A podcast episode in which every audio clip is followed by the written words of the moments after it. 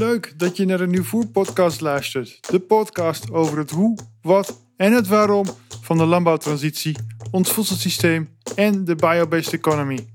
Ik spreek met pioniers over hun lessen en inzichten, hoe de natuurwetenschappen, hun visie over de toekomst en hun ondernemerschap eruit ziet. Mijn dank gaat uit naar alle donateurs van de Petje Af schuine streep Nieuwvoer community die maandelijks met een kleine bijdrage Nieuwvoer vooruit helpen. Dank jullie ontzettend. Laat merken dat je Nieuwvoer inspirerend vindt door ook als donateur via Petje Af schuine streep Nieuwvoer je aan te melden. En tot slot een hele grote dank aan de vrienden van Nieuwvoer die ervoor zorgen dat ik deze podcast kan produceren. Dat zijn Priva en Greenport West-Holland. Super bedankt dat jullie Nieuwvoer vooruit helpen. En dan gaan we nu starten met de podcast. Mijn naam is Alexander Prinsen en ik wens jullie ontzettend veel luisterplezier. In deze nieuwvoer nummer 20 ga ik met Geert van der Veer verkennen hoe we de polarisatie van de Nederlandse landbouw kunnen keren. Geert was al eerder bij Nieuwvoer te gast en toen zijn we meer te weten gekomen over herenboeren, het verhaal over hoe de consument weer betrokken kan worden bij de voedselproductie. En dit keer gaan we het hebben over de Boerenraad, hoe deze bijdraagt aan de landbouwtransitie en vooral ook hoe in deze tijd het vraagt dat we anders gaan organiseren van alle verschillende belangen. Welkom Geert en fijn dat je tijd hebt kunnen vrijmaken om hier vandaag bij Nouveau aanwezig te zijn. Nou, dankjewel, doe ik graag, dat weet je. Dus dank dat weet ik, ja. Dus, uh, en, ik, ik, en ik ben ook vereerd, want uh, ik weet niet meer wie, uh, iemand uit het Delftse Middenland Uh, uh, die zei: Het wordt tijd dat je weer met Geert gaat praten. Want Boerenraad, dat is weer de moeite waard om bij Nieuwvoer langs te laten komen. Want we zijn weer, ze zijn weer ietsjes verder gekomen uh, sinds heren, herenboeren in Nederland een groot succes is geworden. Mm -hmm. Even, hoe, hoeveel herenboeren hebben we trouwens nu? We hebben op dit moment uh, tien, uh, uh, afgelopen zondag en zaterdag zijn er weer nieuwe openingen geweest. Hè. De after corona run op openingen die is begonnen. Maar ehm, we hebben tien boerderijen operationeel en een, de, halverwege de 30, tussen de 30 en de 40 op dit moment nog boerderijen die we aan het ontwikkelen zijn. Ja, uh, daarmee hebben we 10.000 huishoudens zo'n beetje die op dit moment participeren in de herenboerenbeweging. Dus dat uh, is bijna, bijna exponentieel zo te horen.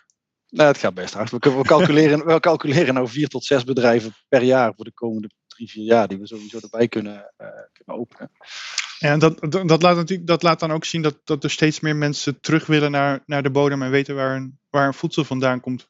Ik denk dat, dat, dan, dat, dat, dat, dat, dat je daaruit af zou kunnen leiden. Wij merken ook dat uh, de periode van corona, denk ik, ook heel erg uh, veel bewustwording en dat soort processen bij mensen heeft, heeft teweeggebracht. Waardoor je ook en, nou, ik vind dat lastig, hè, want we hebben in die periode zes bedrijven erbij opengezet, waardoor we dus ook onze communicatie gaat steeds breder. Hè, ja. dus, dat we, dus is het nou allemaal corona geweest of is, hangt het ook nog samen met, met, met, ja, met, met de communicatie rondom de opening van die andere bedrijven? Dat weet ik niet, kan ik ook niet uit elkaar halen. Maar ja, dat er mensen uh, uh, in Nederland aan het nadenken zijn over hoe het anders kan en welke bijdrage zij daar zelf aan kunnen leveren, dat begint wel steeds duidelijker te worden in, de aantallen die wij ontmoeten op dit moment. Ja, ja en, en men is ook steeds meer het gesprek aan het voeren. Dus dat, dat merk ik in ieder geval ook overal nu. En dat is denk ik ook uh, een mooie brug naar waar ik nog niet naartoe geweest ben, maar waar jij al geweest bent. Uh, de Manshold toneelstuk.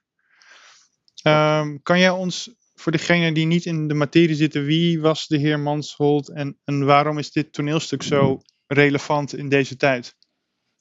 Um, nou, de naoorlogse periode waarin we met elkaar um, uh, de uitspraak deden nooit meer honger, uh, is uh, door hem ingezet.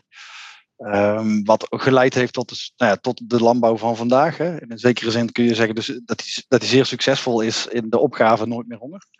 In ieder geval voor de mensen in Nederland hè, en op andere plekken van de wereld is dat natuurlijk nog wel eens soms wat anders. Maar even, dat is, was, was het adagium en dat is redelijk succesvol uh, gegaan, denk ik. Um, het mooie van dat toneelstuk is dat je meegenomen wordt in uh, de laatste jaren van uh, zijn, zijn, zijn leven. Dat hij niet alleen in Nederland actief is, maar ook in, in EU-verband opereert. En dat hij dan eigenlijk overweegt en dat ook opgesteld heeft, een manifest ehm, te publiceren waarin hij eigenlijk oproept om de weg terug te gaan bewandelen.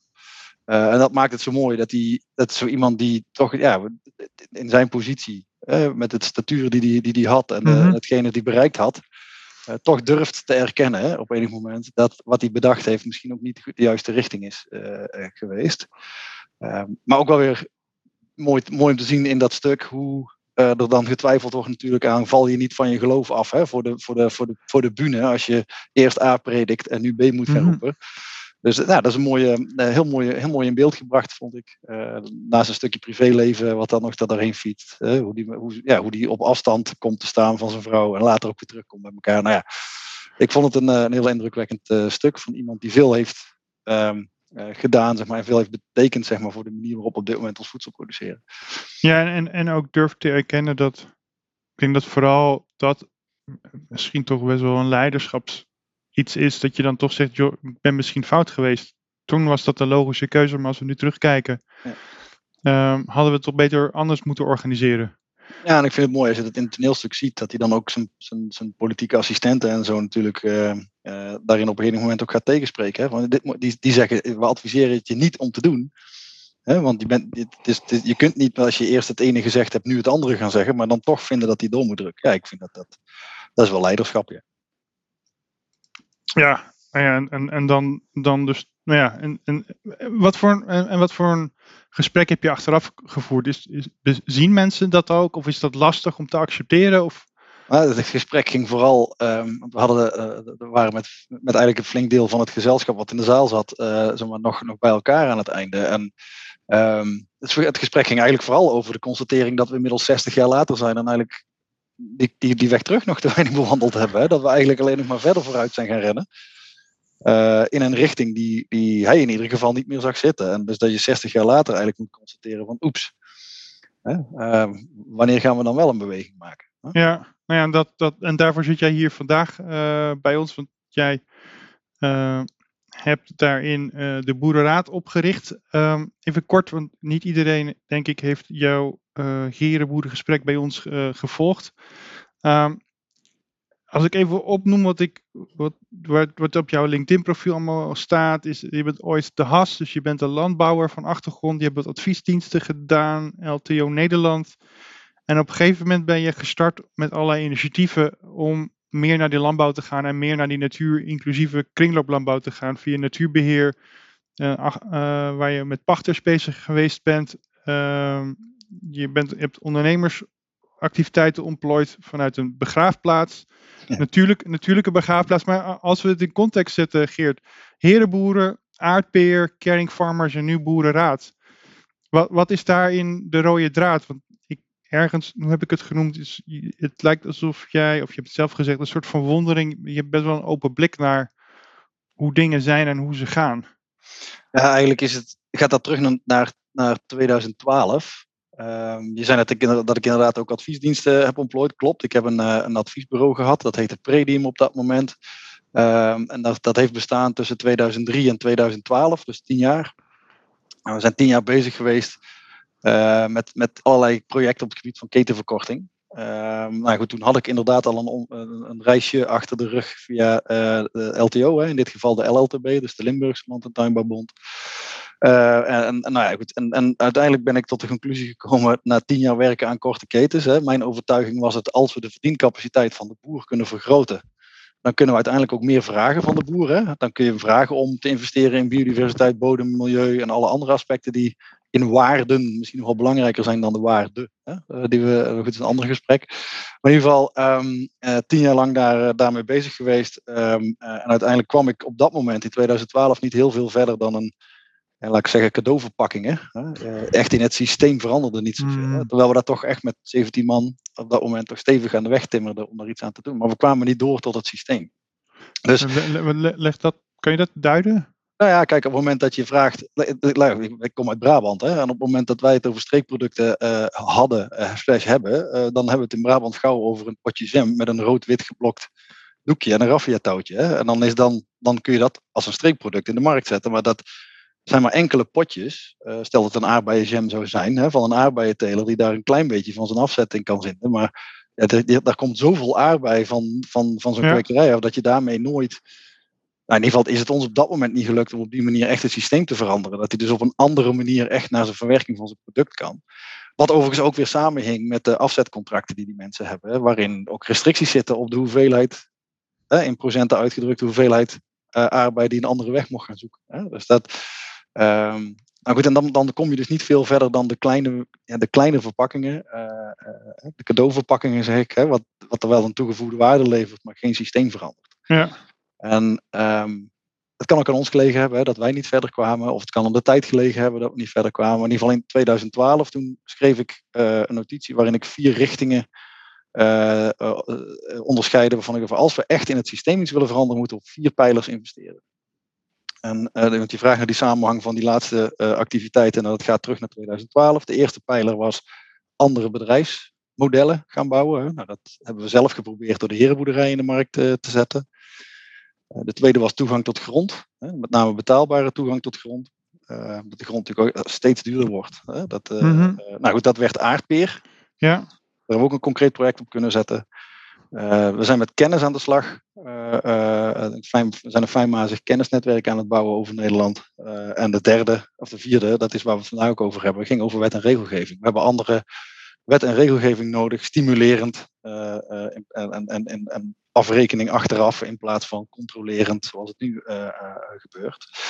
Nou, en daarvoor hadden we wat meer volume nodig dan alleen uh, de herenboerderijen en zijn we elkaar gaan opzoeken. In eerste instantie leidde dat tot Caring Farmers en later samen met Caring Farmers met een heleboel andere boerennetwerkorganisaties de Boerenraad opgericht. En nou ja, vanuit daar proberen we ook iets te doen wet en regelgeving. Dus in die zin kan ik het altijd prima toetsen aan, klopt dit nog met mijn plannetje uit 2012? ja, nee, ja, maar dat, dat de, de, de, nee, maar als je, als je, wat zeg ik, als je jouw historie terugkijkt, en, uh, dan zie je dat daar een bepaalde uh, richting, dat het een richting op gaat. En het is fijn ook om te horen dat je het zo kan formuleren. Ik heb, ik heb hier, je, je, je, hebt landbouw, je kan landbouw in perspectief plaatsen, daardoor door je verschillende ervaringen en, en daardoor het kan duiden.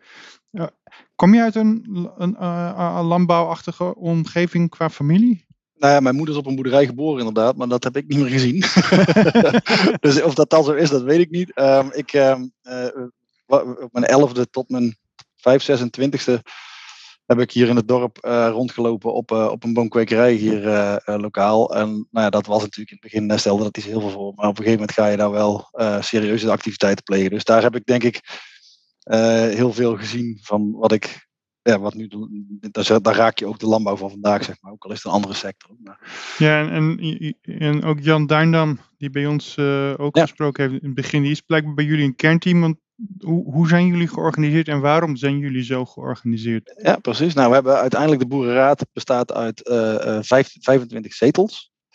Waar uh, mensen zitten die, uh, daar moet ik altijd even goed over nadenken, zonder last, maar met ruggespraak daar uh. Hè? Dus het is niet zo dat je eerst terug moet naar je achterban voordat je een uitspraak kunt doen, hè? een beslissing kunt nemen, maar wel uh, dat je daar ruggespraak mee kunt houden of je de goede dingen doet. Um, dus je zit er min of meer op persoonlijke titel in, maar wel met een achtergrond. Dus dat is, dat is zeg maar de raad zelf. Uh, de raad heeft een plan vastgesteld waarin we aan vijf thema's willen werken. En dat zijn thema's die bovenliggend zijn voor alle, nou voor alle, ja, voor bijna alle uh, netwerkorganisaties van boeren. Dus dat telt zowel voor de biologische landbouw, die soms andere belangen kan hebben dan, nou dan pak mijn eigen herenboerderij maar. maar bovenliggend zijn er een aantal thema's, uh, die zowel voor de biologische als voor de gangbare, als voor kleinschalige concepten als die van ons of, of CSA-netwerken. Maar die vijf thema's die liggen heel dicht bij wat we in 2012 zelf opgeschreven hebben. Dus dat is opnieuw die toegang tot grond. Dat is die wet en regelgeving waar we het net over hadden. Uh, maar dat is ook de, uh, uh, de, de, betaalbare toegang tot grond hadden we. De positie, van de, positie van de boer in de keten. een, een, een, transitiefonds wat we, wat we willen hebben. En de kennisparagraaf. Hè. Dus in die zin zijn dat vijf thema's die redelijk dicht liggen bij, bij het plannetje wat we zelf hadden in 2012. En de Boerenraad heeft die vijf thema's als speerpunten uh, uh, omarmd. Want als, je, als we daar iets op ontwikkelen, dan kan iedereen een soort van. Ja, dan, dan staat er een soort van infrastructuur waar iedereen zich op kan ontwikkelen. En vervolgens zijn er per uh, thema karttrekkers aangewezen. Um, ja. En dat, dat is dan uiteindelijk, zeg maar, samen is dat weer de kern, het kernteam.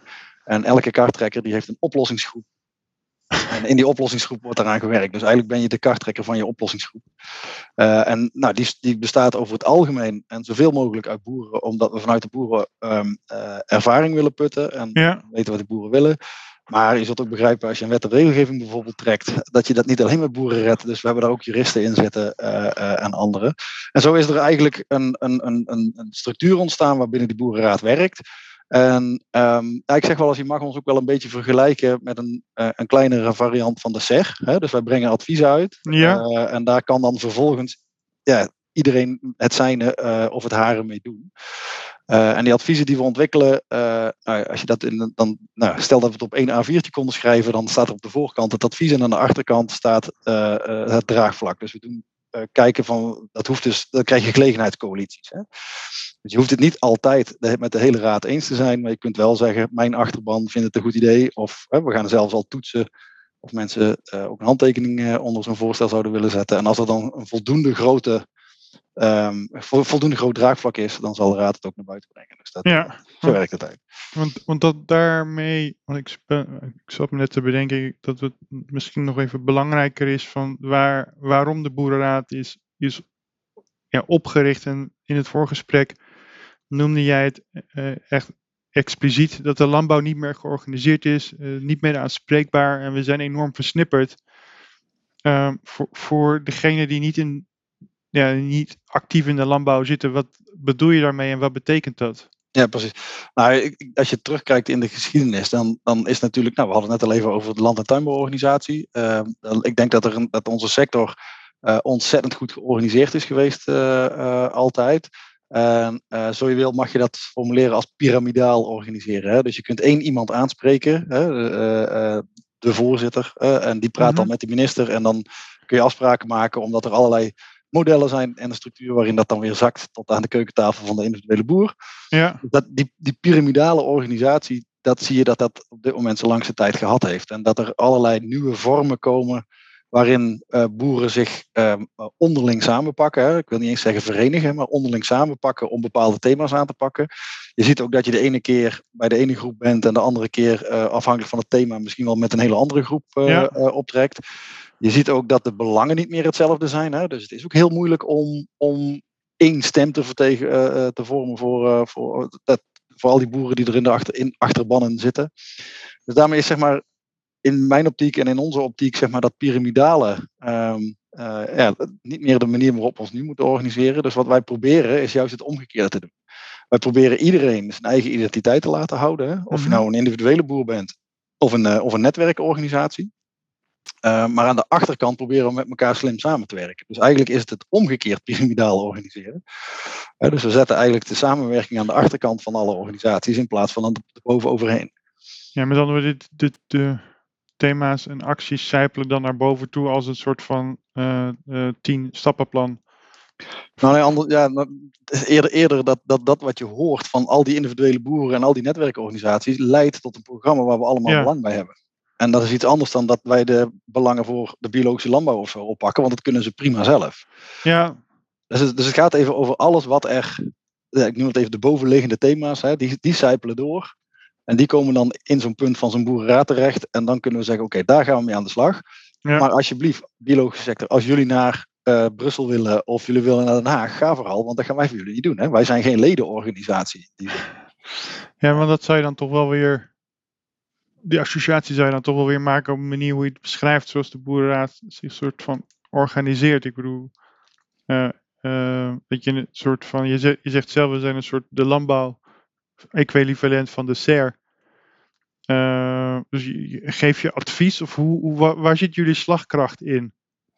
Wat, wat of wat gaat jullie slagkracht worden? Nou, waar we heel sterk op inzetten is een stukje wederkerigheid. Uh, wederkerigheid met de beleidsmakers. Hè. Dus dat kan het ministerie zijn en dat kan naar het provincie en dat kan op andere uh, waterschappen, et cetera, andere overheidslagen zijn.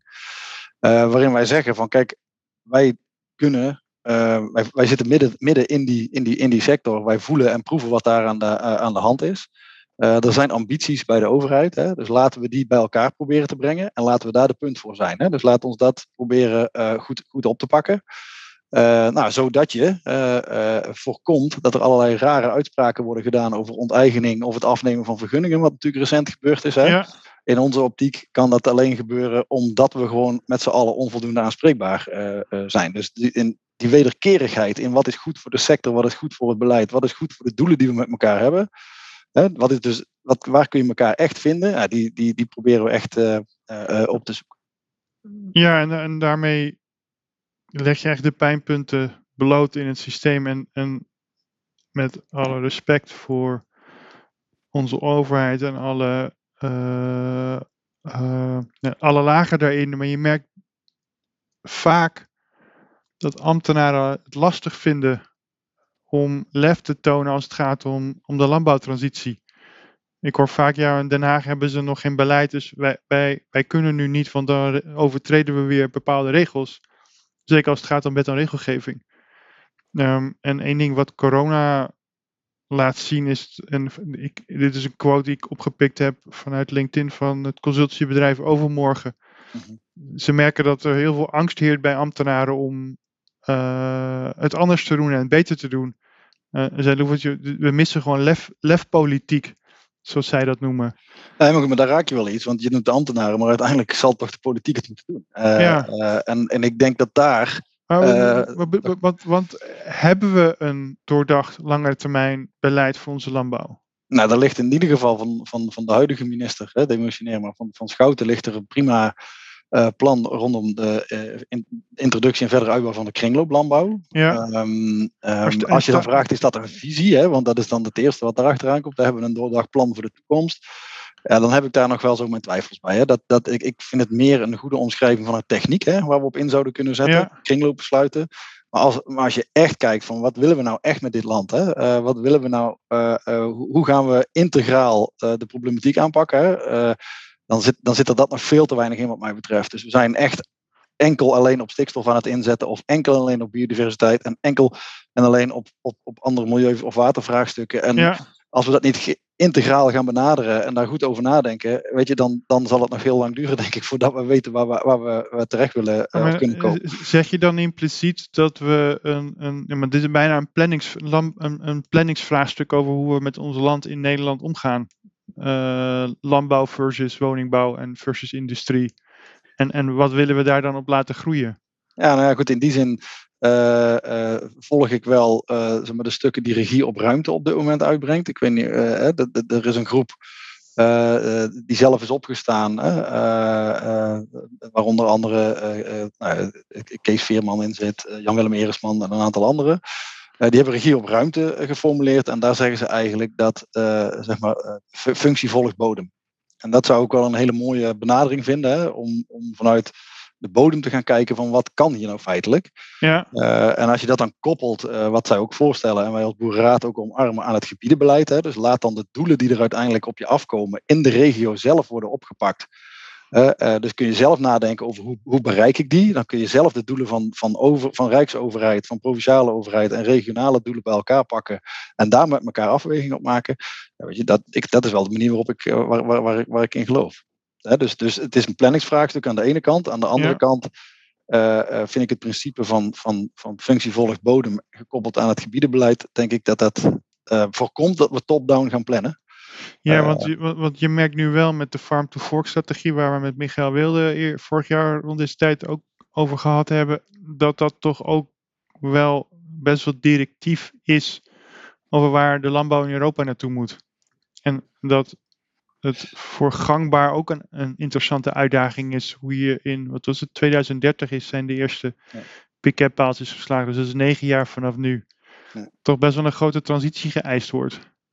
Nou ja, maar goed, laten we niet vergeten dat er ook, tenminste, ik vind in mijn, eh, dat er een grote transitie vereist wordt. Hè? En dat er dan voor de eerste keer iemand is in de Europese context die er zoveel gaat staan.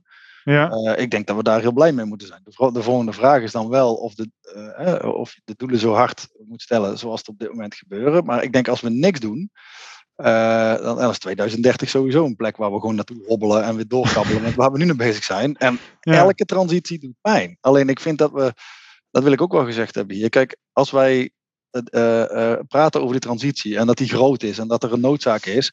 A, dan is de eerste vraag, delen we die noodzaak met elkaar? Hè? Want dat is, nog, dat is ook nog zeker niet bij iedereen zo, zo doorgedrongen.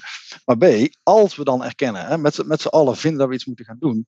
dan hebben we op dit moment veel en veel te weinig aandacht voor het individuele gezin wat hierachter zit. Voor, ehm, voor, de, voor wat er op dat boerenerf gebeurt. En, Ja, eh, dat we met elkaar ook moeten erkennen dat er op dit moment op, op al die boerenerven helemaal niks fout gebeurt. Hè? Als je kijkt naar wat we eh, hebben gewild in stimuleringsregelingen, als, je hebt, eh, als je ziet wat wet en regelgeving doet. Ik denk dat we een, s- we hebben super veilige voedselproductie, we hebben super boeren die perfect binnen die wet en regelgeving aan het opereren zijn. Dus het is heel is raar waar. als Ja. je dan ineens die pijn gaat voelen van een, van een enorme transitie die op je afkomt. Want je hebt het nooit fout gedaan. Dus het is denk ik ook heel goed om te, eh, hier ook te erkennen en, en, en te duiden dat die verantwoordelijkheid voor die transitie niet alleen bij die boeren kan liggen. Nee, en die wordt daar nu wel neergelegd omdat het nu zo versnipperd is. Nou ja, het, ehm, ehm, het wordt als eerste gevoeld eh, op het primaire bedrijf. Maar ik heb, ik, eh, ja, we hebben ook gesprekken met wetenschappers. We hebben daarvoor de, de zogenaamde kenniscoalitie, zoals we hem noemen. En in die kenniscoalitie zitten een heleboel wetenschappers die inmiddels ook zeggen van, ja maar pas op, hoe kan het zijn dat de boeren wel boos zijn hè, en dat uiten door met de trekker op de weg te gaan. En dat wij binnen diezelfde sector, hè, weliswaar in een ander segment, maar binnen diezelfde sec- sector actief zijn. En wij nog steeds eigenlijk gewoon ons reguliere werk aan het doen zijn zoals we dat altijd gedaan hebben. Zouden wij ook niet moeten gaan kijken naar wat de transitie voor ons betekent? Als wetenschapper. Als wetenschapper. Hè? Oeh, dat is ook wel. eh, die komt ook binnen. Ja, ik, denk- ik, ik denk wel dat dat een hele mooie. eh, tenminste, die gesprekken die, die mag ik dan van dichtbij volgen. Ik vind dat echt wel hele genuanceerde en mooie gesprekken. Hè? Ehm, waarbij je toch ziet dat, dat de algemene teneur van die eh, groep wetenschappers is. Wij zullen dichter bij de boerenpraktijk moeten gaan staan als het gaat over eh, wat die transitie moet gaan inhouden. En wij zullen ook met die boerenpraktijk samen de onderzoeksagenda moeten vaststellen. En niet, zei ik even heel ongenuanceerd, als er iemand in Den Haag bedenkt eh, een antwoord te willen hebben op een vraag, een, een één op één vraagstelling en een één op één antwoord uit het onderzoek halen. En dan misschien nog een beetje ongenuanceerder. Alle, alle eh, antwoorden die goed waren, maar in wet en regelgeving te verankeren, zodat alle boeren eraan voet kunnen gaan doen. Hè. Dan, ja, Het moet veel meer over, dat, eh, over, die, over die echte uitvoeringsgerichte praktijk gaan. En die boeren moeten meebeslissen over wat, welke vragen ze, waar ze tegenaan lopen en wat ze beantwoord willen hebben. En wat dat dan kan betekenen voor de implementatie binnen wet en regelgeving bijvoorbeeld. ja. En dus, dus, nou goed, dus je ziet dat, dat, dat het op, op, op alle fronten is die, is die sector toch wel in beweging. En alleen, ja, het wordt als eerste gevoeld bij de boer. Ja, maar het is, eh, makkelijker er, het is makkelijker daar naartoe te wijzen. Ik bedoel, eh, ehm, Ja, maar als ik dan toch een vergelijking even mag maken over wijzen hè, en hoe we daarmee omgaan, heb ik mij Ja. toch wel erg verbaasd over de discussie rondom Tata Steel. Ik weet niet of je dat eh, op een gegeven moment ook gevolgd hebt. ja, je kan er niet omheen. Nee, daarom hè. Dus dat is eigenlijk een open vraag die ik niet had hoeven stellen. Maar wat, eh, ik, ik zat nieuwsuur te kijken en Ja. daar, daar, daar gaven ze wat kengetallen over Tata Steel. En dan las ik, of dan zag ik daar dat er 11.000 medewerkers waren. Dus dat er wel 11.000 gezinnen schade zouden hebben van sluiting of een andere benadering van Tata Steel. Dat daar aan afgeleid 30 tot 40.000 bedrijven waren die dan ja, dus we moesten, dat werd letterlijk gezegd, dus we moesten miljarden overwegen om die in Tata Steel te stoppen. Als ik die kengetallen, diezelfde kengetallen langs de agrarische sector leg, dan hebben we het hier over 54.000 gezinnen, die samen nog eens gewoon een, drie, eh, ja, een kleine 300.000 mensen aan de gang houden. Dus het gaat over hele andere getallen. ja, En het enige wat we daarvoor kunnen bedenken is niet we gaan miljarden steken in de transitie. Nee, we gaan ze weghalen als ze in de weg zitten. En dat steekt mij, hè, dat je niet gewoon, nou ja, die 17 miljard bijvoorbeeld die geroepen is voor de onteigening, dat je die nou niet gewoon zou kunnen inzetten in een transitieproces. Dat Ja. je ieder boerengezin een nieuwe toekomst kunt, kunt Ja. bieden, als je daar goed op investeert. Nee, Ja. zeggen wij dan, wet en regelgeving bepaalt dat we niet aan stikstof voldoen, dus moeten we het knelpunt weghalen. ja en, en ik, ik zit in mijn dagelijks adviestak ook. ehm, een boer is dan, is dan heel aantoonbaar met zijn emissies, maar iedereen draagt daaraan bij en iedereen kan daar een oplossing voor verzinnen. Ehm, ook de bouw en al die andere sectoren. Het is, het is wat. Ik vind het, wat jij zegt, ik vind het ook te makkelijk dat de boer de schuldig is. En we, we zijn blijkbaar met wet en regelgeving makkelijker. Kunnen we de boer zijn toekomst eh, Ja, eh, st- stoppen? Terwijl dat, nou ja, dat is mensontre- mensonreddend. Hoe noem je dat? Ontreddend, Eh, onterend. Ja, onterend. Ja, Nou, wat- wat, wat, er, meespeelt is natuurlijk. Ik, eh, natuurlijk gaan ook, doen ook andere sectoren eh, mee aan de, aan, aan de uitstoot. Wij moeten als sector denk ik ook erkennen. Hè, gewoon erkennen dat we daar ook enorm aan meedoen. En dat we, maar juist daarom, ik ken, ik ken geen enkele sector waarin zoveel creativiteit zit. Alleen de landbouwsector, zei ik even. ja, ja ik, ik- helemaal eens. En de, de, ik, heb, ik, ik zit nog te overwegen om nog een, eh, om nog een serie te maken rond mest. Want inmiddels is mijn lijstje met innovaties om eh, de emissies in de eh, gangbare intensieve veeteelt, laat ik het zo formuleren, Ja. om die bijna tot nul te reduceren. Ehm, en daar krijg je kippenvel van wat daar inmiddels in de markt al beschikbaar is. Ja. En dat de grote partijen als Lely inmiddels de markt aan het afstruinen zijn. Ehm, wat er aan inventiviteit is. Maar dat, dat is even voor een andere, eh, Ja. een andere podcast. Ehm, want wat ik wel interessant vind, eh, behalve. la- laat ik nog eventjes focussen op je boerenraad. Want jij vertelde dat je, jullie een soort van methodiek hebben. En je noemt het de vlek op de horizon. Ja. Eh, een backcasting tool. Dat is denk ik in de landbouwsector niet een gemeengoed als innovatietool. Of, of als, als, hoe noem je dat? Eh, eh, hoe je van vooruit terug naar nu kan werken. En daarmee een routekaart kan ontwikkelen. Kan je, kan je even toelichten hoe jij dat implementeert nu in de landbouwsector en waarom dat juist nu nodig is? Nou laat het even voor mij persoonlijk afhalen in dit geval, want dit doen we met z'n allen. Ehm, en waar we, we hebben lang gekeken van waar ontbreekt het nou feitelijk aan hè? eh, eh, in, in ons land en hoe komt het dat, die, dat we zo op zijn kop staan, zeker ook binnen onze sector. Ehm, en dan is een van de analyses die je doet dat het ontbreekt aan een verhaal, aan een, aan een visie, aan een, aan, een, aan een uitdaging richting toekomst, waarin je aan vast kunt klampen en kunt zeggen, hé, hey, daar, ga ik, daar ga ik naartoe werken. Hier word ik blij van, dit is perspectiefvol. Uh, hier geloof ik in. Hè? Want volgens mij is het woordje geloven daarin echt belangrijk. Hè? Je moet erin geloven en anders hè? dan begin je ja. Uh, dus wat betekent ook dat je niet te concreet moet zijn over wat dat doel precies is. Maar we hebben een perspectiefvol verhaal nodig. En ik, daar ontbreekt het aan. Dus wat we gedaan hebben uh, binnen de Boerenraad, is, daar zijn we mee begonnen. En dat, dat heette aanvankelijk inderdaad visie. En natuurlijk is dat ook een visie hè, op Nederland. Nou, daar, daar hebben we, die hebben we uitgewerkt. En uiteindelijk zag je dat we uh, in eerste instantie ook een klein beetje in de valkuil trapte van de punten en de komma's. Hè? Dus het moest scherper mm -hmm. en het moest dit en het moest dat. En dan werd hij steeds. En op een gegeven moment hebben we gewoon geroepen van jongens, luister, is dit wel wat we nodig hebben, zo'n scherp geformuleerde visie? Of moeten we het niet hebben, inderdaad, over een vlek op de horizon? Hè? Iedereen ja. kan zijn eigen punt in die vlek kwijt. Daarmee hebben we, een, uh, hebben we samen één doel, namelijk dat dit naar dit perspectiefvolle Nederland toe werken. En daar, volgens mij, moeten we dat vooral zorgen dat dat gebeurt. Hè? Dat we weer perspectief hebben uh, uh, in dit land. Dat er een koers in zit die helder is. Die ook duidelijk maakt waar je niet meer voor staat. Hè? Want dat is denk ik ook heel erg van belang. Dat dat, ja, weet je, volgens mij ga je hier niet doorheen komen door, te pap, door papa en nat houden. Maar moet je gewoon door de zure appel heen. Dan, laatst hoorde ik iemand anders zeggen, je moet het monster gewoon vol in de bek kijken. Hè? Nou ja, laten we dat dan maar doen. Hè? Ja. Uh, dus daar hoort... Ik daar even weg, niet? Ja, hij is weer weg. Ja. Oké, okay, sorry. Ik kreeg een, uh, dus daar hoort ook pijn bij. Die moeten we volgens mij ook gewoon nemen. Uh, uh, maar dan heb je dus een, een, een, in ieder geval een perspectief. Hè? Dus wat doen we wel en wat doen we niet? Dat is helder. Nou, dat is de koers. Dat nogmaals geen punt, maar een heleboel punten bij elkaar volgen samen een vlek. Nou, dan kan iedereen naar zijn eigen punt toewerken. Ja. Dan heb je wel de verbinding gevonden. Nou, en van daaruit ga je terug. Hè? Wat is dan nodig? En nou, zo zijn we op onze vijf thema's gekomen. Waarin we zeiden van, nou ja, weet je, daar heeft iedereen baat bij. Als we de grondprijs uh, uh, iets met de grondprijs kunnen doen. Uh, nou, zou mooi zijn. Hè? Kijk, heel veel boeren zullen het niet met mij eens zijn, uh, want die hebben andere doelen met, met, met de waarde van hun grond. Maar eigenlijk zouden we grond waardeloos moeten kunnen maken. Ja. Op het moment dat grond weer waardeloos wordt, dan word je als beheerder van die grond, als boer, gaat, gaat het alleen maar over wat kun je ervan afhalen en hoe goed kun je voor die grond zorgen. Ja, eens. Nou, weet je, als we dat soort dingen, dat soort perspectieven uh, voor ogen houden, uh, terwijl dat natuurlijk op de korte termijn voor heel veel boeren betekent, ja, wat betekent dat dan voor mijn pensioen en voor mijn oude dag? Hè? Want daar zit natuurlijk ook veel kapitaal in. Nou, daar hebben we een oplossing voor te zoeken met elkaar. Maar nou, dat soort concepten vind ik super interessant om, om door te praten op het moment dat je eenmaal een vlek op de horizon hebt. Hè? Dan ga je dus echt over hele andere principes. Uh... Ja, en, en, en de Boerenraad heeft principes geformuleerd. Ja, we hebben waarden en principes geformuleerd. Ja. En, en, en nou ja, een van, dus, dus dat je uh, vanuit, vanuit bottom-up uh, gaat en dat de praktijk belangrijk is. En dat je, uh, dat je de waarden voor, nou, dat je waarden en waarden uit elkaar haalt. Hè? Dus dat je ook duidelijk zegt waarvoor je wilt gaan staan. Hè? Dus dat, dat, nou, dat je wel degelijk uitspreekt dat je iets met biodiversiteit en met, met, met landschap en met, met, met milieu doet. Hè? en dat, nou ja, een van de dingen waar we het over hebben. Ja, misschien is krimp wel de beste groei. Ja. Uh, dat, is, dat is wel een hele spannende uitspraak. Uh, uh, die ook nog niet formeel door de boerenraad gedaan is. Maar het is wel een gesprek waar we het over hebben. Hè? Is krimp ja. niet, niet de beste groei? Want jij, jij gaf zelf aan ook in het voor, voorgesprek. Misschien moeten we niet.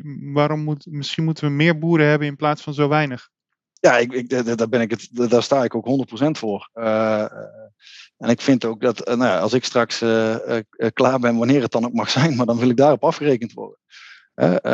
Op dit moment, de, achter, de achterliggende decennia, die hebben alleen maar ervoor gezorgd dat er minder boeren kwamen toen ik op de has zat, dan heb je het nou over uh, eh, 23 jaar geleden. Toen, toen telden wij met 100.000 boeren. nu zijn er dat nog nou, krap aan 54.000 of in de 50 in ieder geval. Dus de helft is weg. En als je ziet wat er nu dagelijks stopt, 5 tot 7 boeren hier in dit land, en dan is de koers nog niet zomaar gekeerd. Dus dat betekent dat we met elkaar in mijn beleving de verkeerde richting in, uh, in het werken zijn. Hè. De, uh, er komen minder boeren aan de ene kant. De boeren die overblijven zullen groter zijn en intensiever, of, of in ieder geval aan de ene kant. Aan de andere kant, wat doen we met die gronden die blijven liggen? Hebben we de boeren als beheerder bijvoorbeeld ook niet nodig? Hè? dus er zit, zitten zoveel vraagstukken achter minder boeren, dat we beter volgens mij het perspectief van meer boeren kunnen gaan prediken. Ja, ik, ik kan me herinneren, ik weet niet meer met wie ik dat gesprek had, maar zij haar ouders hadden een aspergekwekerij jaren jaren geleden. En daar werkten ze al met, met z'n allen in de zomer mee. Maar inmiddels is, is papa daarmee gestopt of de oom daarmee gestopt omdat het nu gewoon niks meer, het niet meer, het is niet meer rendabel om het te doen, behalve als je enorm intensiveert. Uh, en allerlei uh, machines aanschaft om de arbeid eruit te sleutelen. Dat is toch de grootste kostenpost. Uh, arbeid is natuurlijk iets waar we tegenaan lopen. tegelijkertijd, ehm, uh, als je dat toch hebt over toekomst, moet je bijvoorbeeld ook de, de techniek daarin niet vergeten. Hè? Dus, dus wat, er zijn tegenwoordig robots die inmiddels groentes kunnen planten, die kunnen wieden en die kunnen water geven. Ik bedoel, en appels kunnen plukken, zeg ja, ja, ja, precies. Dus, dus het begint ook daar te ontwikkelen. Dus de vraag is even of je nou moet zeggen, omdat ik nog niet ver, dat nog niet helemaal weet ga ik als overheid via wet en regelgeving uh, en allerlei stimuleringsregelingen die sector maar de kop indrukken? Of geef je gewoon de toekomst die gewoon bijna klaar staat om te beginnen? Hè? Dat, uh, ja, maar dan heb, je ook, maar dan heb je ook de vraag van ja, wat is dan dan nog? Het hebben van een landbouwbedrijf straks, is het allemaal geautomatiseerd? Voor wie is dan die grond? En, maar dan heb je nog steeds het vraagstuk van welke gewassen wil je hebben? Nee, maar goed, er is, ook een, er is ook een benadering, en daar vroeg je naar hoe doen jullie het, hè? maar er is ook een benadering om niet op elke vraag een antwoord te willen geven, maar om, om, om de structuur en de infrastructuur zo neer te leggen uh, dat iedereen zijn eigen toekomst kan, uh, kan bepalen. En ik denk dat je heel veel verschillende vormen van voedselproductie zult gaan krijgen in de toekomst. Hè? Het voedselsysteem bestaat niet. Nou, anders dan, het voedselsysteem bestaat uit verschillende systemen. Ja. Uh, ik, ik, nou ja, of het dan, of het dan ik, volgens mij hoorde ik Jaap Korteweg zeggen van ik ben bezig met een robot uh, als je daar grap in, of met een, met, een, met, een, met een stalen apparaat, als je daar gras in stopt, dan komt er melk uit. Hè? Omdat ja, dat... hij is, uh, hij is uh, met, met schimmels bezig. Ja. Hij zoekt nog wereldwijd de schimmel die dezelfde eiwit maakt als melk. Precies. Hè, dus dat, dat is wat hij aan het doen is. Nou, dat is ook een, dat is ook een richting. Hè? Dus, dus je vindt, ja. we moeten niet op al die vragen antwoorden. Niemand is creatiever dan de ondernemer en dan de boer. Dus die, er komt vanzelf komen richtingen die wel aan die passen. Als we maar binnen dat kader van die, van die waardeset kunnen blijven hè, en, die, die ontwerpprincipes kunnen toepassen. Hey, en laten we het over die principes hebben. Um, ik, in ons voorgesprek heb ik het onderverdeeld in logisch, nomisch en systemisch, waarvan ik dan eco weggesleuteld heb. Uh ecologisch en economisch. Waar jij benoemde, uiteindelijk is alles zonlicht, alles is energie, inclusief de zwaartekracht. De natuur bemest in de herfst. En, wij, wij doen dat in het voorjaar. dat heb ik ook gezegd. Ja.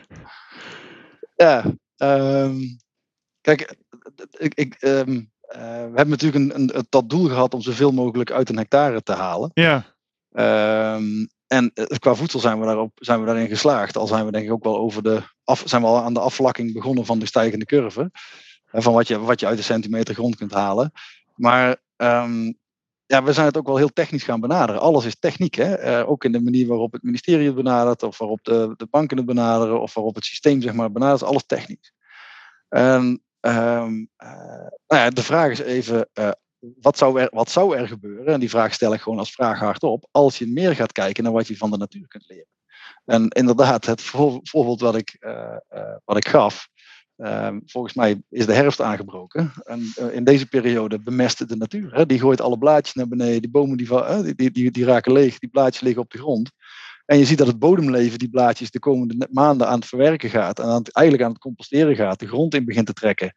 En uiteindelijk voeden ze daar, hè, wordt daar het bodemleven mee gevoed, wat weer nutriënten kan afscheiden voor de nieuwe boompjes en plantjes die in de natuur moeten gaan groeien. En dan vraag je je af, zou, zou daar enige logica in zitten? Uh, ook voor ons als landbouw. Ja. Ook voor ons als landbouw. En, en, en uh, ik vind dat een open, een open zoektocht. Hè? Maar als je het dan hebt over ja, natuur inclusief, ja, en je wil, nou ja, je kiest een benadering voor de, de, het niet scheiden van die beide functies, maar het integreren. Mm -hmm. dan, vind ik, dan vind ik dat, je, dat we ons zouden kunnen richten op het lezen van de natuur.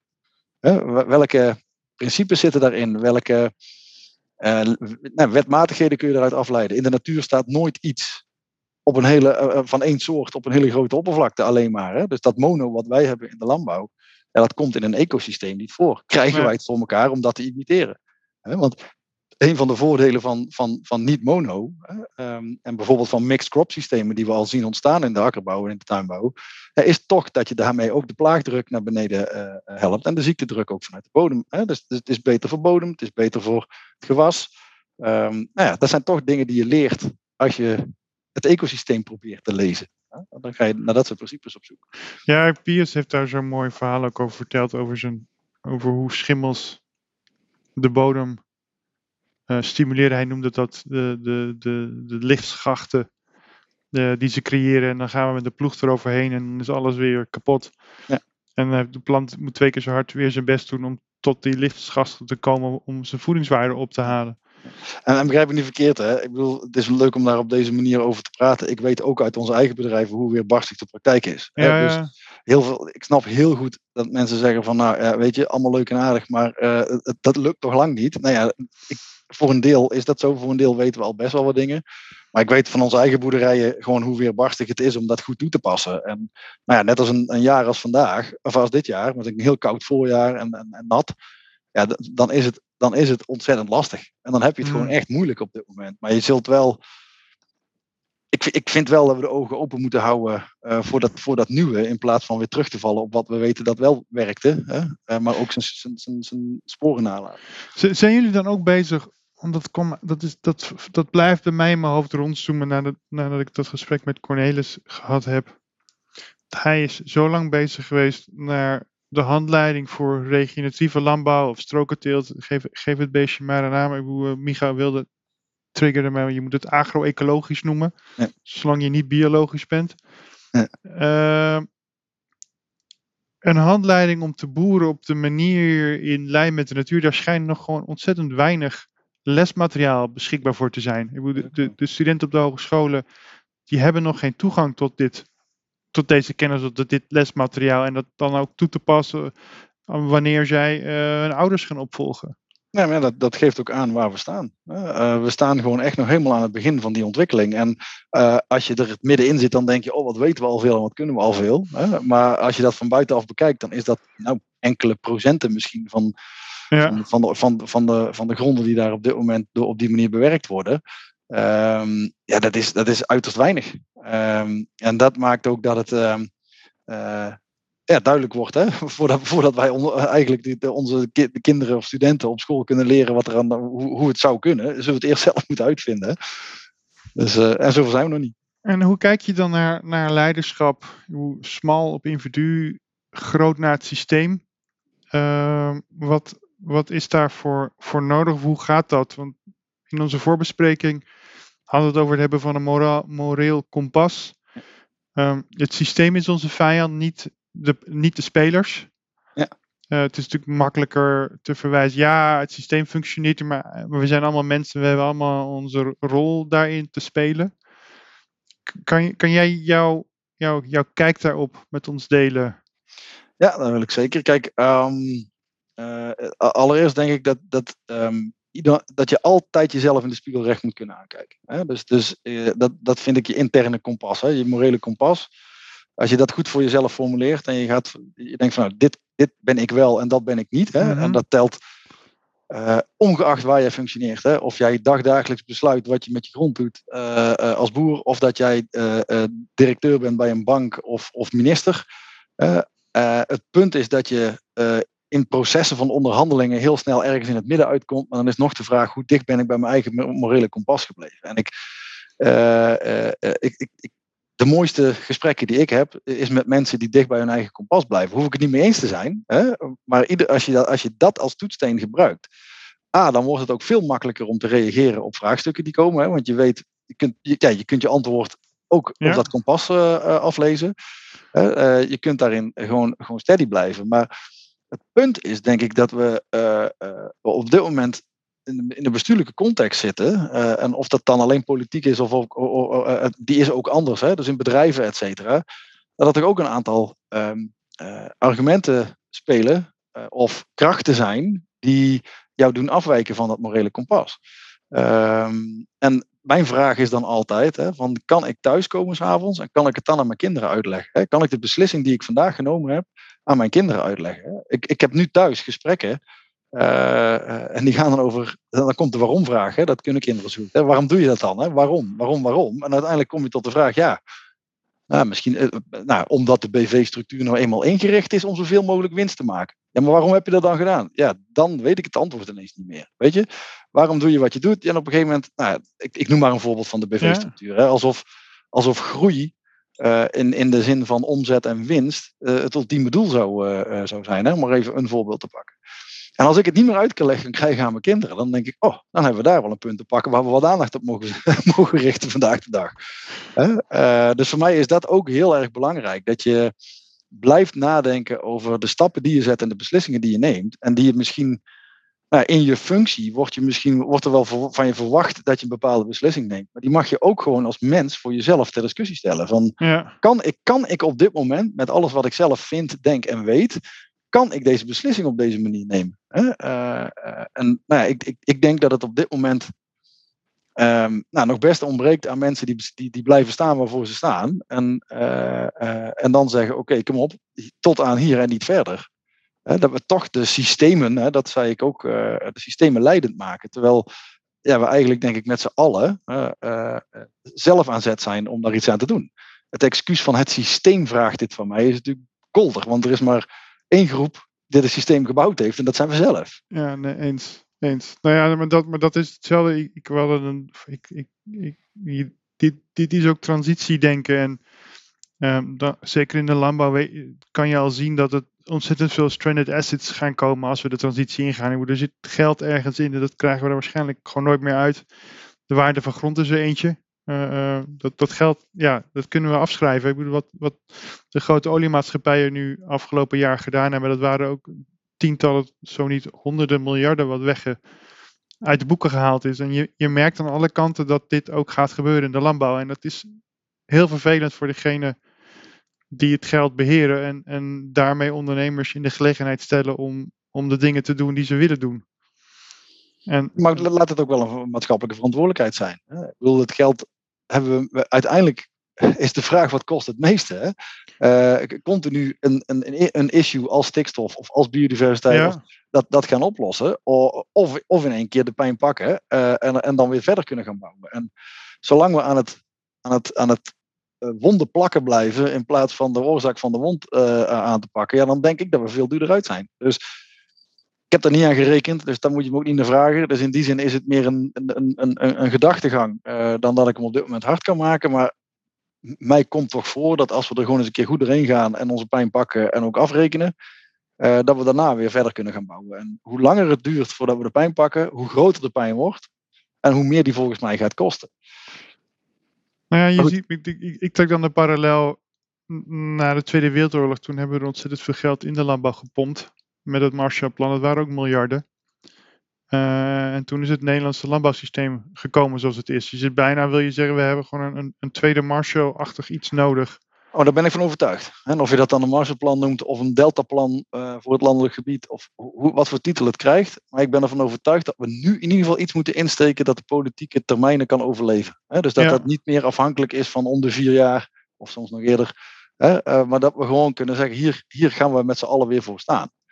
Uh, en dat heeft wel in mijn beleving echt de omvang van zo'n deltaplan, zoals we in het verleden ook gezien hebben, of Marshallplan. Ja, ja we, hebben, we hebben toen ook miljarden gestopt in uh, de delta werken. Kun je ja, natuurlijk. Toen, refereert en dat was 20 jaar stond het daar. Ja, maar dat konden we ook, hè? Dus we, Ja. we- we, eh, als je de maar wat erachter zit, volgens mij, is dat de, ja, dat heet dan in het Engels de sense of urgency er nog niet eh, voldoende is. Hè? De, eh, ik denk Maar- als ik op dit. Maar is dat bij, is diegene die het beleid eh, uitschrijven, of is dat bij de ondernemer, in dit geval onze boerengemeenschap in Nederland, inclusief tuinders, dus de hele, de hele landbouwgemeenschap? Nee, ik denk als je goede instrumenten biedt aan de sector, hè, aan de landbouwsector, aan de boeren, aan de tuinders, om die transitie te kunnen maken, dan moet je wel echt goede instrumenten gaan bieden. Dan, dan zit, daar, zit het daar niet. Hè. Kijk, ik snap, ik snap heel goed dat, dat als je eh, op dit moment boer bent en je hebt keer op keer op keer op keer allerlei onzin over je uitgestort gekregen, want ik kan het niet altijd anders noemen, eh, Ja. dan, is het, dan is het een keer zat. Maar als jij goede instrumenten aangereikt krijgt, kun je daarmee werken. Dus het zit volgens mij veel meer bij degene die op dit moment eh, zeg maar het beleid maken. Eh, het zit veel meer in politieke omstandigheden. Eh, misschien zelfs daar nog wel het meeste. Ja, Ehm, maar goed, ik heb wel eens, wel eens hardop gefilosofeerd en in de gesprekken ook wel gezegd: van jongens, als we nou eens alle Kamerleden mochten informeren hoe het op, het- op het boerenbedrijf ging, in plaats van een paar in de Kamercommissie. Hè? En dan kunnen we gewoon als mens eh, eh, gewoon weer, weer eh, meebeslissen over wat er, wat er goed is. De, de gemiddelde Nederlander ervaart geen probleem, want de supermarkt ligt vol. Als je niet Ja. oplet uit welk land het komt en het interesseert je niet, dan heb je elke dag gewoon, gewoon goed eten. Ja. Buiten is het toch mooi, hè? want die, de, de, de grasvelden zijn groen, en, of de weilanden zijn groen. En de, eh, eh, eh, en, en de bossen, daar kan ik wandelen. Maar goed, als je er eenmaal induikt en je wijst mensen op wat er gebeurt. En, je, en, en dat het bodemleven daaraan kapot gegaan is. En dat de, de natuur verbrandnetelt, zal ik maar even zeggen. ja, En weet je, dan ga je pas kijken. Dus je moet het wel, ja, Kruip zei het ook mooi, hè? Je moet het wel zien. Hoe zei hij het? Om het je ziet het pas als je het begrijpt, of hoe zei hij het? ja dat was hem. Ja, dat was hem. Ja, Ja, Je ziet het pas als je het begrijpt. Ja, dat, precies. Nee, maar dat, datzelfde merk ik met het lesgeven bij Van Hal Arenstein. Eh, pas als je de, dat zijn voor een groot deel studenten die de agrarische opleiding volgen. eh, pas als je de, hun, de, eh, de, de, ja, eigenlijk is bijna laten zien hoe het systeem met elkaar samenhangt. En laat zien waar de degradatie zit, maar ook laat zien waar handelingsperspectief zit. Dan is dat zijn voor hun allemaal paradigma shifts. In plaats van ja, maar gaan ze allemaal naar de ja en toe. Ja. Maar dat vraagt wel een, een, een andere verbinding tussen het hoofd en het hart. Nee, eh, eens. Eh, eh, en, en ik denk dat, dat ehm, nou, je kijkt maar naar mijn eigen generatie van mezelf. Ik denk dat we Ja. aardig rationeel op, opgevoed zijn op school. Hè? En, en op het moment dat je te veel naar je hart en je buik luisterde, dan was je emotioneel en dan, moet, dan moest je aan de kant zetten, want dan krijg je het verkeerde stuur. En Ja. ik denk nou juist dat, die, dat het sturen van het, van, het, van het hart en de buik en alles wat je daar voelt, dat moet, dat moet, dat moet leidend gaan worden. Hoe zie je dat, dat en daarmee trigger jij mij net, hoe, hoe, zie je, hoe kijk je nu naar de jonge boeren? Of hoe kijken de jonge boeren naar deze, dit vraagstuk? Want we krijgen volgens mij best wel veel opvolgingen nu. Eh, de, de, de- er gaat een hele generatie met pensioen. Mhm. En hoe, gaan, hoe gaan zij hun toekomst tegemoet en, en hoe vertaalt zich dat naar de boerenraad? Nou ja, een van de dingen die heel belangrijk zijn, is dat eh, van de boeren van 56 jaar of ouder, of misschien 58 jaar of ouder, heeft 60% geen bedrijfsopvolger. En niet omdat er geen kinderen zijn, maar omdat die kinderen het gewoon niet meer willen. Ja. Om, eh, eh, omdat het milieu waarin dat moet gebeuren en de kapitaalsinjectie en de risico's die erbij horen en nou, het ontbreken misschien ook wel van, nou niet misschien, van, van maatschappelijke waardering. Eh, we staan met z'n allen wel te klappen langs de snelweg als, als de boer voorbij komt met zijn trekker, maar tegelijkertijd laten we hem hartstikke hard vallen eh, eh, als, het, als je wat, wat macro ernaar kijkt. En dan denk ik, dan snap ik wel dat die mensen ook niet meer kiezen om die bedrijven op te volgen. Dus dan wordt het aantal bedrijven dus ook daadwerkelijk minder. Hè? Maar mind you, hè, 60 procent, uh, zo niet meer, heeft geen bedrijfsopvolger. Dat, dat, dat gaat, dan gaat het hard. Um, dus dat is, dat, is, dat is één kant van, van, van, van het antwoord, van wat ik wil zeggen als reactie op je vragen. De andere kant zie ik ook nog wel, uh, en dat is misschien een beetje een gevaarlijke uitspraak die ik nou doe, maar dat als ik naar de praktische opleidingen kijk, hè, dan heb ik het over, het, uh, over de MAS, hè, het MBO bijvoorbeeld. Hè, um, ja, daar zie ik toch nog te veel in mijn woorden de wedstrijd wie rijdt er op de grootste trekker of wie rijdt er de grootste combine. Hè? Dat is toch de cultuur waarin we met elkaar uh, op dit moment opereren. Um, en ik denk dat het best zorgelijk is dat de situatie voor die, voor die studenten uh, dusdanig is dat het niet helemaal veilig is om over andere onderwerpen te praten. Dus Als het gaat over, ik Hmm. wil mijn bedrijf wel thuis overnemen, maar ik denk aan een hele andere richting. Nou, dan heb je, eh, twee, heb je een paar punten waar, het, waar, waar je tegenaan loopt. Het kan zijn eh, dat er thuis anders tegenaan gekeken wordt. Hè, vanuit, ik heb het altijd anders gedaan en nou ga jij het ineens op zijn kop gooien. Dus dat, dat, dat geeft echt wel serieuze gesprekken aan de keukentafel. Eh, niet altijd makkelijk. Eh, en aan de andere kant, als je in een, in een studieomgeving ook niet helemaal vrij kunt zijn in wat je zegt. Ja, weet je, dan, dan is de vraag hoe veilig de situatie. Ja, ik noem het toch veiligheid. Hè, hoe veilig het voor jou is als je die transitie echt in gang wilt zetten. Als je, Ja. als jonge bedrijfsopvolger. Ja, en en, nou ja, dat baart me wel heel veel zorgen. Hè? Dat je niet zonder meer je eigen kompas kunt volgen, waar we het net over hadden. Eh, nou, omdat er gewoon een sociale druk is. En, en, een, en, een, en een, ook een correctie vanuit, die, vanuit, die, vanuit de groep. Hè? Waarin je zegt, oh wacht even, dit was de manier waarop we met elkaar om zouden gaan. Hè? Dat, eh, en en nou, dit, dit wordt mij bevestigd hè? Als, ik, als ik met, met mbo eh, eh, eh, praat. die, die herkennen dit. Ik, we hadden recent vanuit de Boerenraad ook een overleg met LTO Noord. die complete eh, zeg maar, trajecten klaar heeft liggen. Ook voor de sociaal-psychologische omstandigheden thuis.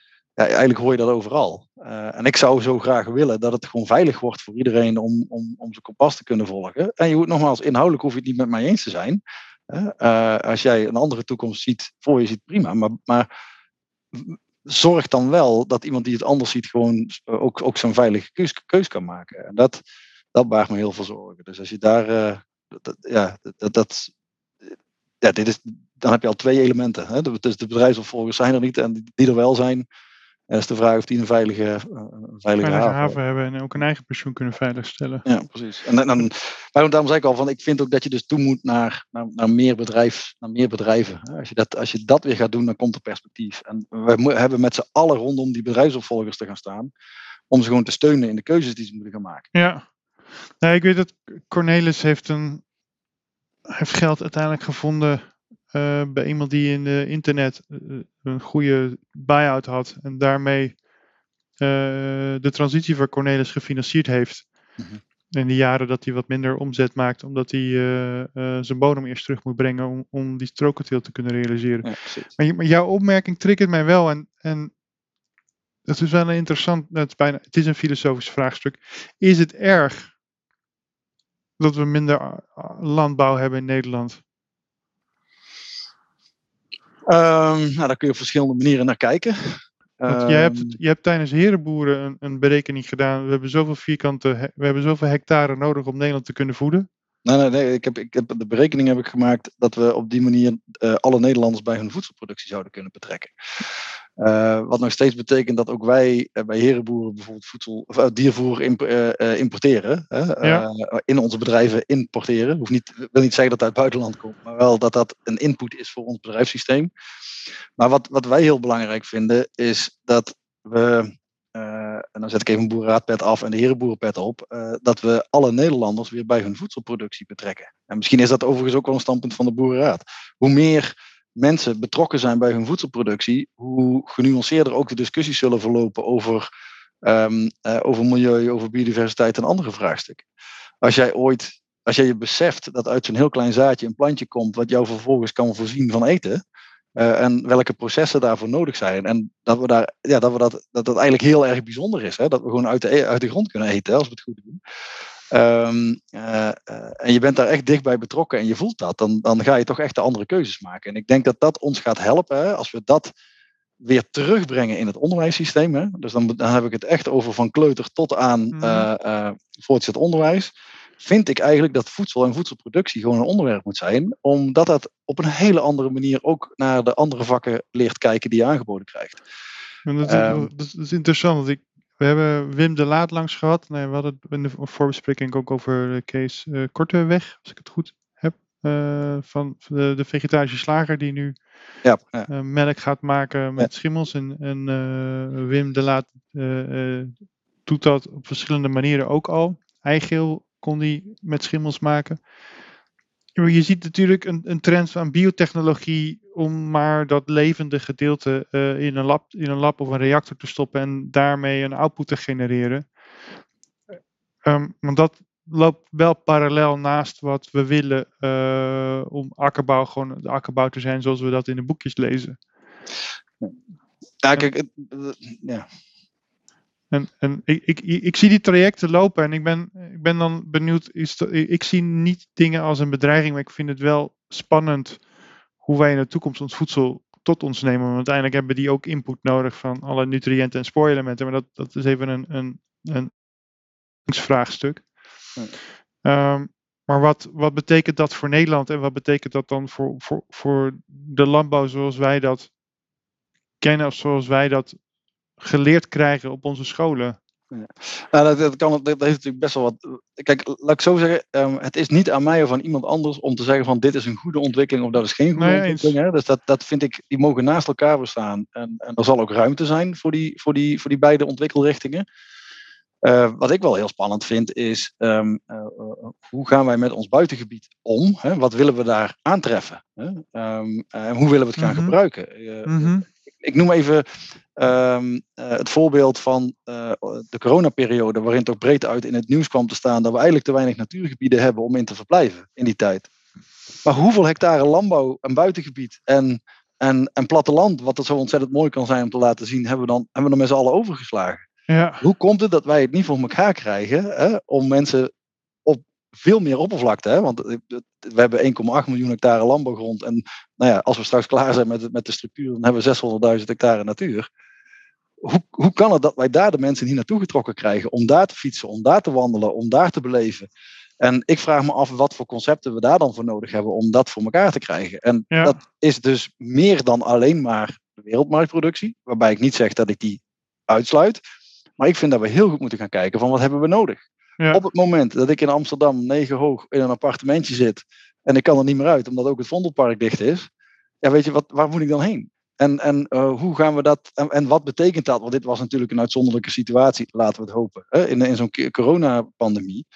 Maar het heeft, het heeft wel pijnlijk blootgelegd waar, waar, waar we het over hebben met elkaar. Hè. Hoe, hoe kunnen we dat buitengebied zo inrichten dat het er mooi op wordt, beleefbaar, uh, op, op wordt dat het, um, nou ja, dat het gebruikt kan worden, beleefd kan worden voor mensen die in de stad zitten. Hoe kun je daar dan weer modellen op ontwikkelen die daar ook business in genereren?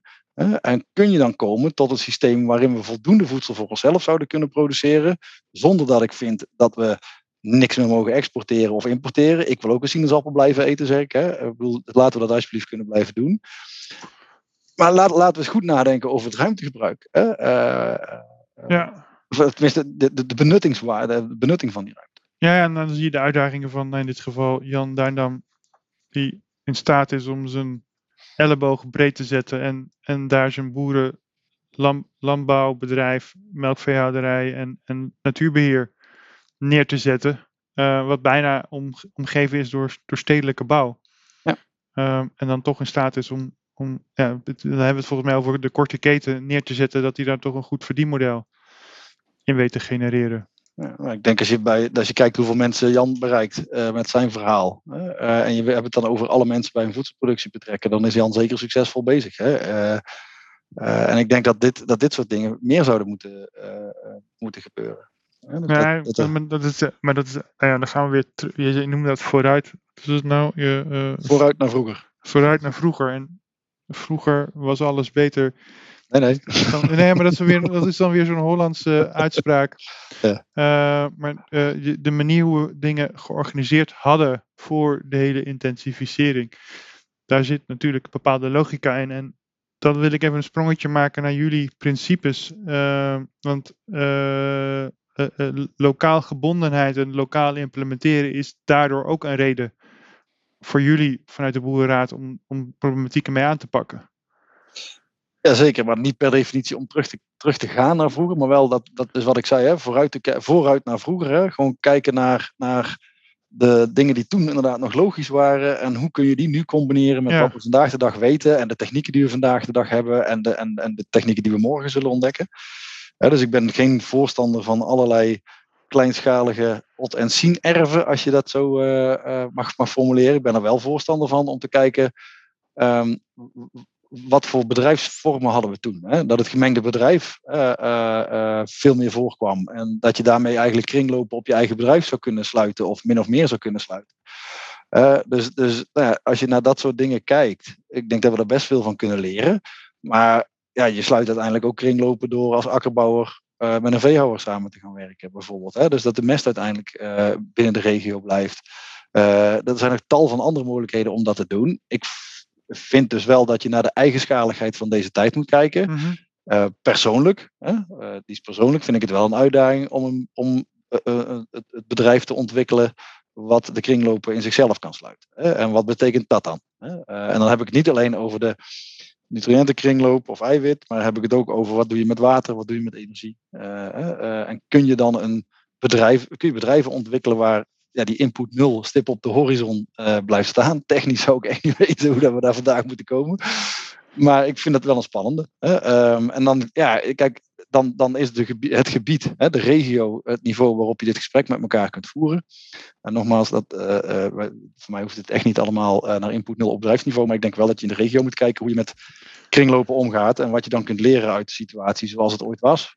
Ja, nee, want ik, ik, ik, ja, en ik trek hem dan even door naar, naar Rob Baan, die heel erg inzet op nutriëntendichtheid van, van onze voeding, zeker voor de glastuinbouw. Die kan daar zeker nog een, een slagje maken. Mm -hmm. Um, en ik, ik, weet niet meer of dat, jij dat nou zei of dat ik dat mix met iemand anders. Um, want als wij gezond voedsel maken met, heel, met een hoge nutriëntendichtheid, dan kan je exporteren naar de wereldmarkt, omdat je iets hebt wat een USP is. En, en niet, niet meer concurreert met de wereldmarkt. En, met, met, en, en, zit daar nog een uitdaging in voor, voor de landbouwtransitie? Dat we, we zijn zo goed in bulk nu, en, en, dan merken we dat ook dat dat nu een grote een prijsvechtersmarkt is geworden. Ja. Uh, zelf denk ik dat je in het rijtje kwantiteit, kwaliteit, vitaliteit echt wel iets kunt doen. zeker als land als Nederland, hè, waarin um, er een, dat je onderscheid kunt maken tussen voeden en vullen. Hè. Iedereen kan zich vullen, mm maar word je ook gevoed. Hè. En nou ja, dat heeft te maken uh, met, met het rijtje kwantiteit, kwaliteit en vitaliteit. Hè. Uh, nou, kwantitatief kunnen we genoeg maken. De kwaliteit op dit moment wordt vooral omschreven door. Is hij rood, rood genoeg en groot genoeg, zal ik dan maar even zeggen? Of rond ja. genoeg, of is de, is de komkommer recht genoeg? Hè? Dat is meer en de kwaliteit in de zin van voedselveiligheid natuurlijk ook niet vergeten. Hè? Dat is vooral ook een track-and-trace vraagstuk geworden. Hè? Kan ik achterhalen wat er in de keten met dit product gebeurd is? Maar als je het echt wilt hebben over iets waar ik ook wel in geloof, is dat vitaliteit. Hè? Dus wat doet het met me als ik dit in mij neem? Hè? Uh, wat voor nutriënten brengt het mij? Ik kreeg uh, Dropbox-meldingen die ik niet kan uitzetten, spijt me. ik heb het al geprobeerd. Um, dus terug even terug naar die vitaliteit. Hè? Wat brengt het mij als ik daarin, uh, als ik dat tot mij neem? Ja, ik denk dat daar echt een enorme uitdaging zit ja, hoe, hoeveel waarden, energie, nutriënten, voedings- en nutriciteit hè, zit, er, zit er in een product. En hoeveel moet ik er dan van eten om, om een gezonde maaltijd te hebben? Ik, ik, denk dat dat een enorme leuke uitdaging voor dit land zou kunnen zijn als we daar wat meer op gingen richten. En nou, ik, ik, denk dat, dat, nou, dat achterweg de vraagstukken komen waar we eigenlijk al wel een klein beetje over weten. Dat die kwaliteit van die bodem dan weer centraal moet komen staan. En want gezonde bodem ook gezond, gezond product zou je zeggen. Ja. Uh, nou ja, zoiets. Ik denk dat er zeker een leuke uitdaging in zit. Uh. Ja, en, dan heb je een mooi bruggetje met wat ik van, van Piers geleerd heb. Een gezonde bodem levert ook compleet andere uh, cellulose structuren op in planten. en dan hebben we de, richting de biobased economy en, de verwaarding potentieel die er ligt op een, land, op een landbouw, akkerbedrijf of een, of een tuinder. Um, hoe, in hoeverre kijkt de Boerenraad nu naar, naar grondstoffenverwaarding, ook om dat verdienmodel van de boer breder te trekken? Dus niet alleen, niet alleen we, we, hebben land, de bodem, voedsel, uh, maar wat doen we met alle, met alle landbouwresten en alle inhoudstoffen die erin zitten, die um, nou ja, idealitair naar de farmacie kunnen of, of de, verpakking, de Nederlandse verpakkingsindustrie in kunnen, waardoor we als land minder afhankelijk zijn, uh, bijvoorbeeld van, van papier van buiten, maar dat we het allemaal zelf kunnen maken. Nou, wij hebben, wij hebben, dat stel ik al, hebben bewust eigenlijk vijf thema's gekozen waarin we in eerste instantie onze aandacht hebben, hebben, hebben liggen. Zodat we uiteindelijk zeg maar, de ondernemer die hierop inspeelt, uh, daarmee kunnen faciliteren. Uh, uh, als het gaat over reststromen waarin dit, dit soort potentie zit, denk ik dat, dat, dat, dat het ook helemaal prima is. Waar we af en toe al wel discussie over hebben is, ja, is het nou het nou, eigenlijk niet eens discussie, wat, gewoon, wat we zien als een negatieve ontwikkeling is, wat gebeurt er nou als je je hele land vol met, met zonnepanelen gaat leggen? Ja. En is, is dat nou de bedoeling van ons? Wij zijn tenslotte een van de vruchtbaarste, zo niet de vruchtbaarste delta in de wereld. Moeten we die nou juist volleggen met zonnepanelen? Ik denk dat we daar dan ook de plank mee slaan. Dus je ziet wel dat we daar op dat niveau wel weer, uh, uh, weer met elkaar pra praten. Ehm, tegelijkertijd zei ik al, we zijn maar, dat mag ook gezegd worden, hè, een klein groepje.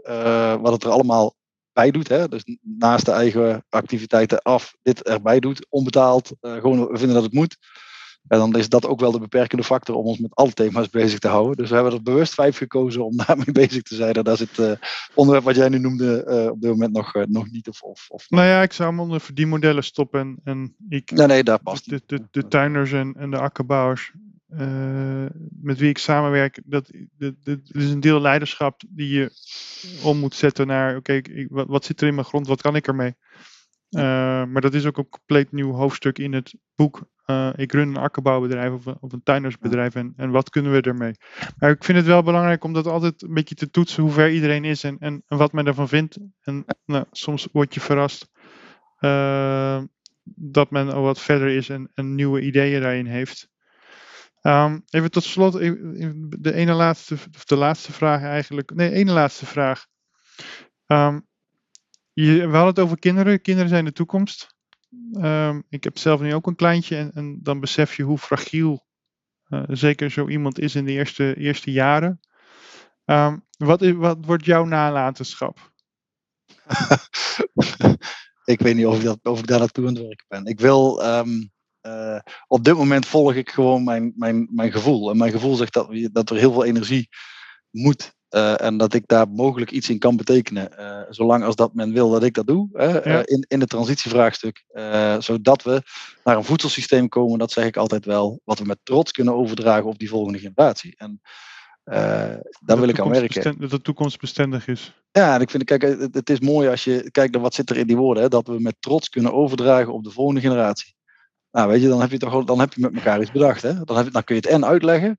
Dan is het dus ook goed voor de volgende generatie. En ik vind dan dat je eigenlijk symbolisch niet alleen naar de volgende moet kijken, maar dat je je handelen moet afstemmen op de zevende generatie na jou. Hè? Want dan ben je echt ver vooruit aan het denken. Uh, uh, uh, nou, dan denk ik van, weet je, als we dat voor elkaar zouden kunnen krijgen, ja, weet je, zolang ik daar de energie voor heb en mag hebben en mensen vinden dat ik daar iets in mag, mag betekenen, dan, dan is dat waar ik voor werk. Hey, en op, welk, op wiens schouders sta jij?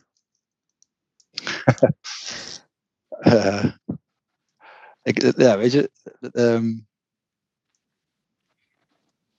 ik, ik, kijk, ik, kijk met heel veel bewondering naar heel veel, uh, heel veel mensen. Um, uh, ik denk als je kijkt naar, naar, naar nou, we hebben net Jan Duindam genoemd, hè, dat vind ik echt iemand waarvan ik denk, goh, daar, hebben we, daar, daar kun je veel van leren als je, als je daar bent. Um, en tegelijkertijd zou ik het ook willen, uh, mijn antwoord ook wel willen richten op laten we eens netjes naast elkaar blijven staan. Hè? Mm -hmm. um, uh, laten we eens kijken of we, of we op basis van, van, van, van met z'n allen de schouders eronder zetten, het systeem kunnen tillen in plaats van enkele mensen. en dat zou ik eigenlijk veel mooier, veel mooier vinden. En er zijn echt wel een aantal mensen waarvan ik, waar ik echt heel veel respect voor heb. En waarvan ik denk, goh, ik ben ik, ik, wil proberen door te werken op de dingen die jullie in gang gezet hebben. Um, maar ik ben wel heel erg van laten we gewoon naast elkaar gaan staan en, en, en, en, en, en, op, weet je, en met elkaar aan, aan het systeem gaan werken. Dat, dat zou ik uh, ook wel een mooi antwoord vinden op jouw vraag. Uh, omdat ik ook vind dat dat is. Weet je? Um, ik ga ook aan, direct aan de kant als er iemand anders is die beter kan of die, die op dat moment er moet zijn. zolang als ik mag, wil ik dienstbaar zijn aan, aan, aan, aan deze ontwikkeling. En zo voelt het ook. En dat is volgens mij ook de enige manier waarop het kan. En als iedereen zich op dit moment dienstbaar opstelt, dan kunnen we ook over allerlei schaduws heen stappen. Uh, en dan, dan, dan bereiken we misschien nog wat met elkaar. ja. dat, is, dat is mooi verwoord als slot, ja. Geert. Ja. Het is een eer dat je hier vandaag geweest bent. Of aanwezig bent. En ik veel nieuwe lessen. En ik ben blij ook dat we met, met z'n tweeën daar ook uh, soms filosofisch, maar deels ook heel praktisch erin hebben kunnen zitten. Uh, het, is, het, is een, nou ja, het is een monsteropgave, in ieder geval dat vind ik. En als je kijkt dat het ondernemers zijn die het moeten doen en, en die samen vormen een keten, wat uiteindelijk een, van, van de farm naar de fork of naar, naar een biobased product. Um, ik denk met jou vandaag dat je ook duidelijk hebt kunnen maken dat het niet een, een opgave is die we vandaag of morgen gaan oplossen. Moet ook niet uh, maar dat het wel een, een, stip aan de horizon, een vlek aan de horizon, in de woorden van jou, Geert. Um, en dat we daar stap voor stap naartoe moeten werken. Uh, met een duidelijke verbinding tussen het hoofd en het hart. Die is het, denk ik. mooi samengevat. ja, mooi. Dan wil ik het daarbij houden. Dankjewel, Geert. Graag gedaan. Zo, dat was het wel weer. Ik hoop dat je genoten hebt van ons gesprek. Wil je meer nieuw voer? Dan nodig ik je uit om donateur te worden van de show. Dat kan via petje af, schuine streep nieuw voer. De link vind je hieronder. Of doneer wat dit gesprek jou waard is geweest. Ook via petje af, schuine streep nieuw voer. Zo zorgen we ervoor dat we samen meer voer kunnen produceren. Wil je er een keer live bij zijn? Dat kan. Schrijf je in op onze mailinglist op de website www.nieuwvoer.nl en dan mis je geen editie meer. En ook Rank deze podcast in jouw podcastplatform, zodat de algoritme leert dat wij hoger kunnen scoren. En natuurlijk zijn alle gesprekken terug te kijken op nieuwvoer.nl, ons YouTube-kanaal en natuurlijk via jouw favoriete podcastplatform. Ik kijk uit naar de volgende keer. Tot ziens!